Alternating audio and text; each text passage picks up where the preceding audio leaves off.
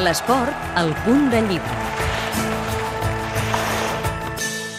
Paulino Alcántara, el primer crack de la història del Barça, és la biografia anomenada d'Alcántara, el Messi dels anys 10 i dels anys 20.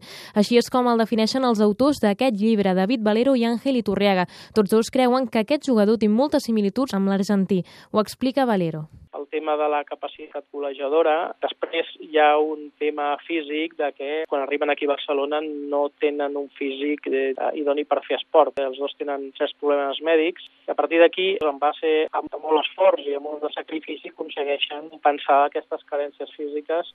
A més, tots dos són escarrancits nascuts a l'estranger i escarrans. A Polino Alcántara li, li deien el trenca-xarxes. De fet, encara avui segueix sent el màxim anotador de l'equip. Va ser jugador del Barça durant 15 temporades temporades i a la meitat de la seva carrera va tornar a les Filipines per estudiar Medicina, una cosa impensable avui dia.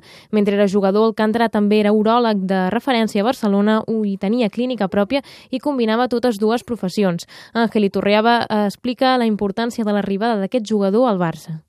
Una vez que él sube al primer equipo con 15 años, se convierte en el primer crack de la historia del club, empieza a marcar goles inverosímiles para lo que se veía en la época, fue el primer jugador que disparaba en volea y que disparaba en movimiento y demás, y entonces esto hizo atraer mucho público al estadio. Tal es así que en muy poco tiempo el club multiplicó su número de socios por 10 i això va permetre millorar la situació econòmica del Barça. De fet, els autors parlen de fer justícia històrica amb el seu llibre. Alcántara és un personatge que va ser clau perquè el Barça superés una de les etapes més delicades de la seva història i, en canvi, fins ara no hi havia pràcticament cap llibre que documentés la seva vida. Sense ell, creuen Valero i Torriaga, i sense l'atracció que va generar, el Barça podria haver desaparegut.